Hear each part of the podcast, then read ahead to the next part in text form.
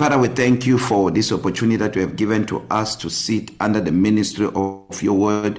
We thank you, Lord God, that your word is anointed, your word is so powerful. There's the power to change our lives forever. We thank you, Lord God, for revelation knowledge that is flowing freely. In Jesus' name, amen and amen. Welcome to the show. My name is Pastor Kenny Mukwena, and it's time for you to experience the blessing. We are continuing with our very interesting conversation that we started a week a few weeks ago. We are talking about the connection between the tithe and the holy communion or connection between the holy communion and the tithe because that's the right order.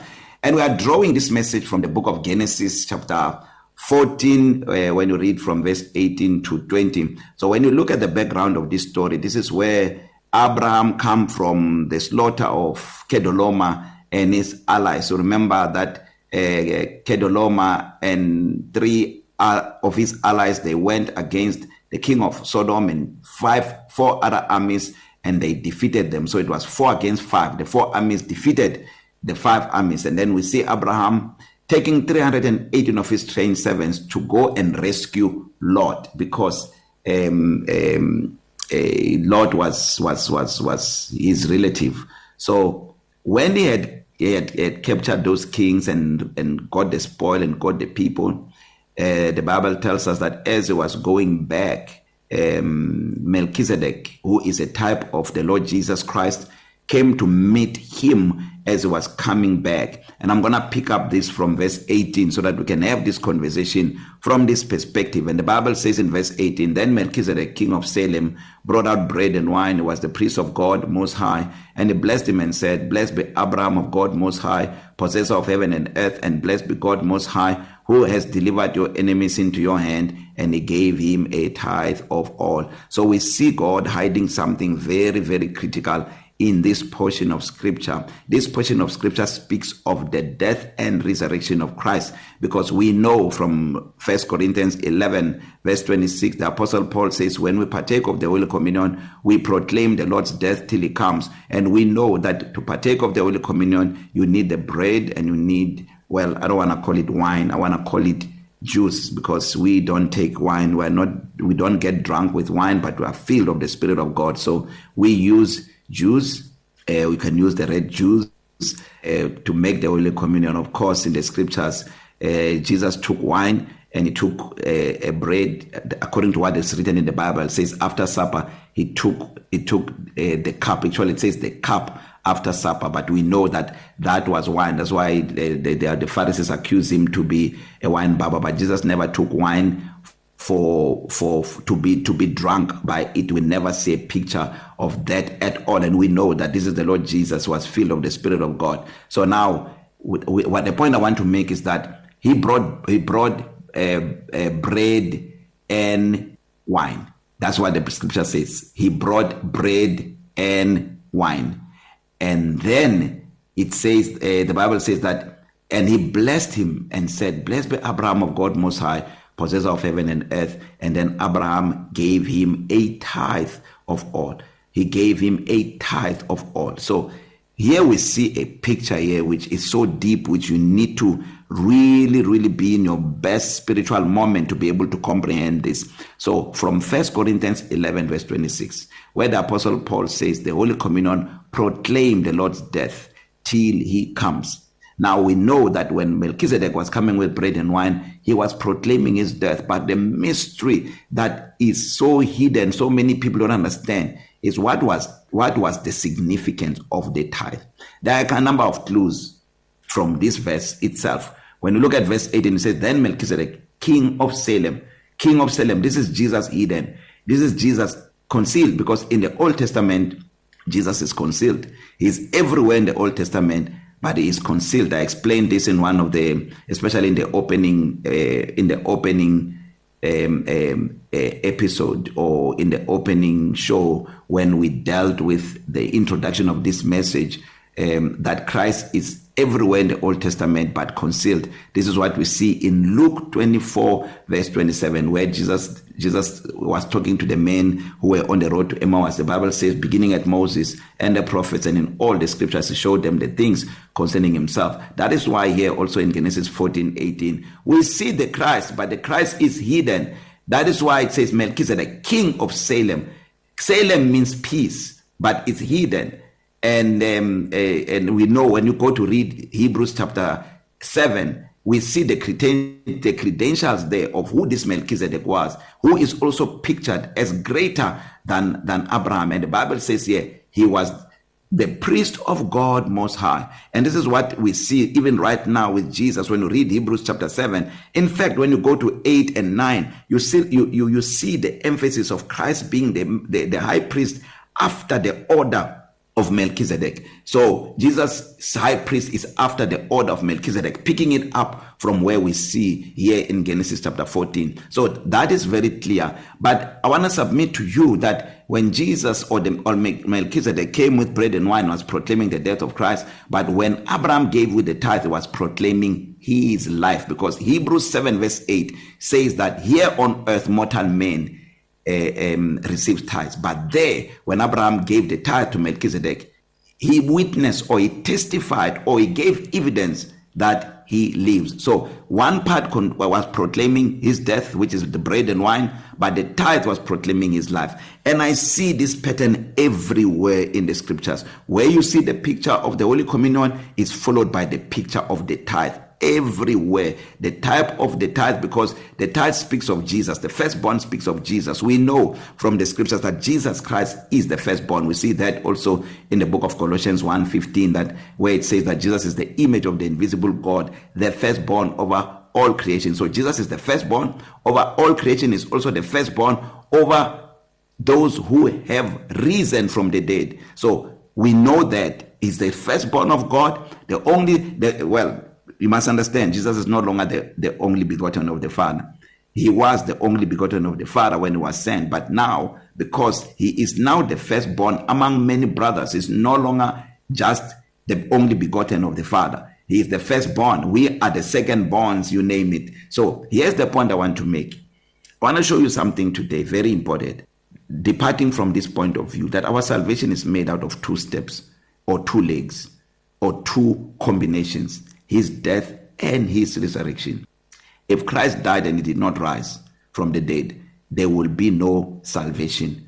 We are saved today because Christ has defeated the grave. He has defeated the enemy. He has restored us back to God by means of his death and his resurrection. That is why Romans chapter 10, when you read verse 9, it, it tells us that um, if you confess with your mouth the Lord Jesus and believe in your heart that God raised him from the dead, you shall be saved. That is what makes our salvation. So, I want to show you something very important here because um we see we see a mystery in the offering of Abel. You remember Abel. So first let me explain the combination so that you see it very clearly.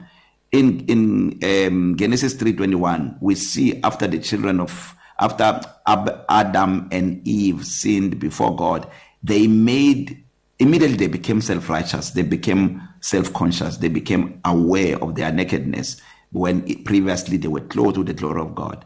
And the bible says that they made fig leaves as their covering. But when God came and found that they have now sinned before him he made a provision of skin which became their tunic or their covering. For that skin to be provided for an animal had to have died. And that animal became a type of Christ. That became a type of the Holy Communion because the Holy Communion proclaims the death of Christ, who is our covering now. So we see that there. Now, for us to understand the combination, because death alone does not complete the salvation package, we must see life. We see in the next chapter in Genesis chapter 4 where Abel gives the firstborn of his flock. And when he gives the firstborn of his flock he was not told to do that. He did it from the promptings of his heart. He did it by revelation. That is why tithing is a mystery because the firstborn is the firstborn is a type of the tithe. Because if it's not the firstborn is a tithe. If it's not the tithe is the firstborn. Anything that is from the livestock god says whatever opened the womb is mine. But when it come to the tithe it's 10% of your income. That is why abraham he had to come with the tithe because he could not come with the firstborn there. Because it was the spoil he had to come with the tithe. But i want you to see something in in in the book of hebrews uh, chapter 11 verse 4 which which which speaks very well about this mystery. So i'm going to read this from from two versions. The Passion Translation and also the New Living Translation. And we draw one point here, very important. It says, Faith moved Abel to choose a more acceptable sacrifice to offer God than his brother Cain. And God declared him righteous because of his offering of faith. Wow. God declared him righteous because of his offering of faith. And we know that righteousness comes from the death and resurrection of Christ. Faith in that. That is why here it says, faith moved Abel. Faith moved Abel.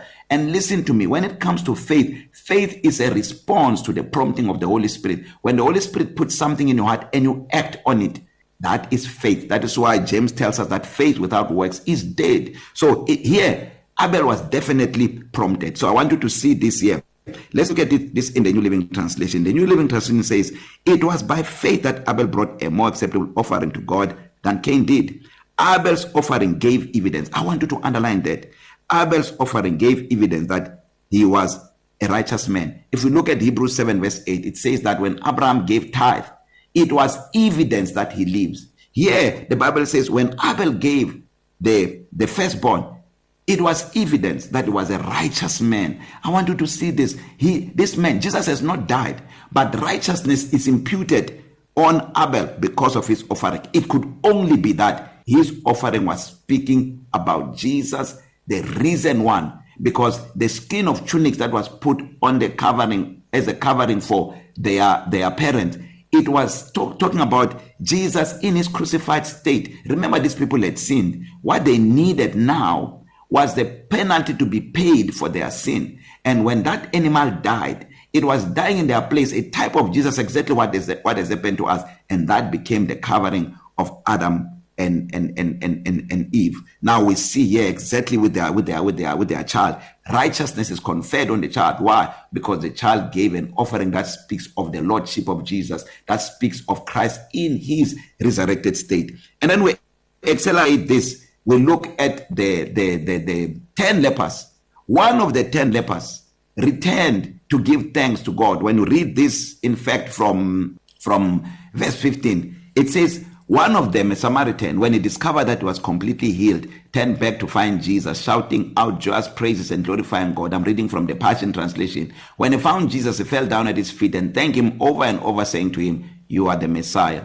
So Jesus responds, So where are the other nine? Jesus asked, Weren't there ten who were healed? They all refused. Underline that because here we're saying Abel was moved by faith to respond. But these ones, one of them moved by faith, he responds. The other ones refuse. Just like Cain, who was prompted, just like Abel was prompted. Cain refused. Verse 18 says, They all refused to return to give thanks and give glory to God, except you, a foreigner from Samaria. Then Jesus said to the healed man lying at his feet, Arise and go. It was your faith that brought you salvation and made you whole. You only see this verse, verse 19 of Luke uh, um, chapter 17 in the Passion Translation, where Jesus says, Arise and go. It was your faith that brought you salvation and made you well. So now, where do we see the combination in this?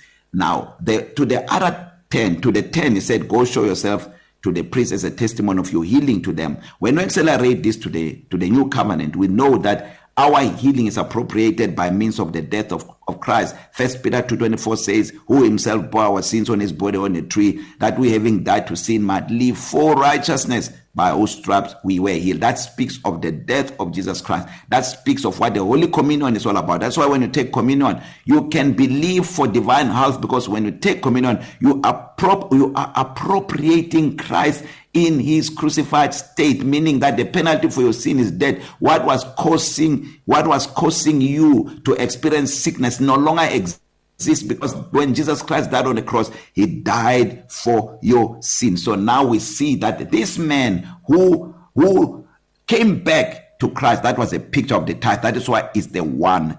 It's the one that speaks of Christ. He came to give glory to the Lord. And Jesus said, It was your faith that brought you salvation and made you well. So we see that combination with these people. And I want to pray for you today and ask God to make sure that He gives you the revelation of this so that you don't only take communion that facilitate your divine health, but you also give your tithe facilitating the life of Christ, recognizing that Jesus Christ is alive and that you are blessed. We do not tithe to be blessed, we tithe because we are blessed. Father, I pray for every person under the sound of my voice. I pray, Father God, for light to shine, illumination, Lord God, from all of for all of us in the name of Jesus Christ. Amen and amen. If you're not born again, if not made Jesus the Lord of your life, just make this simple prayer with me and get born again. Say, Lord Jesus, I receive you now as my Lord and my Savior.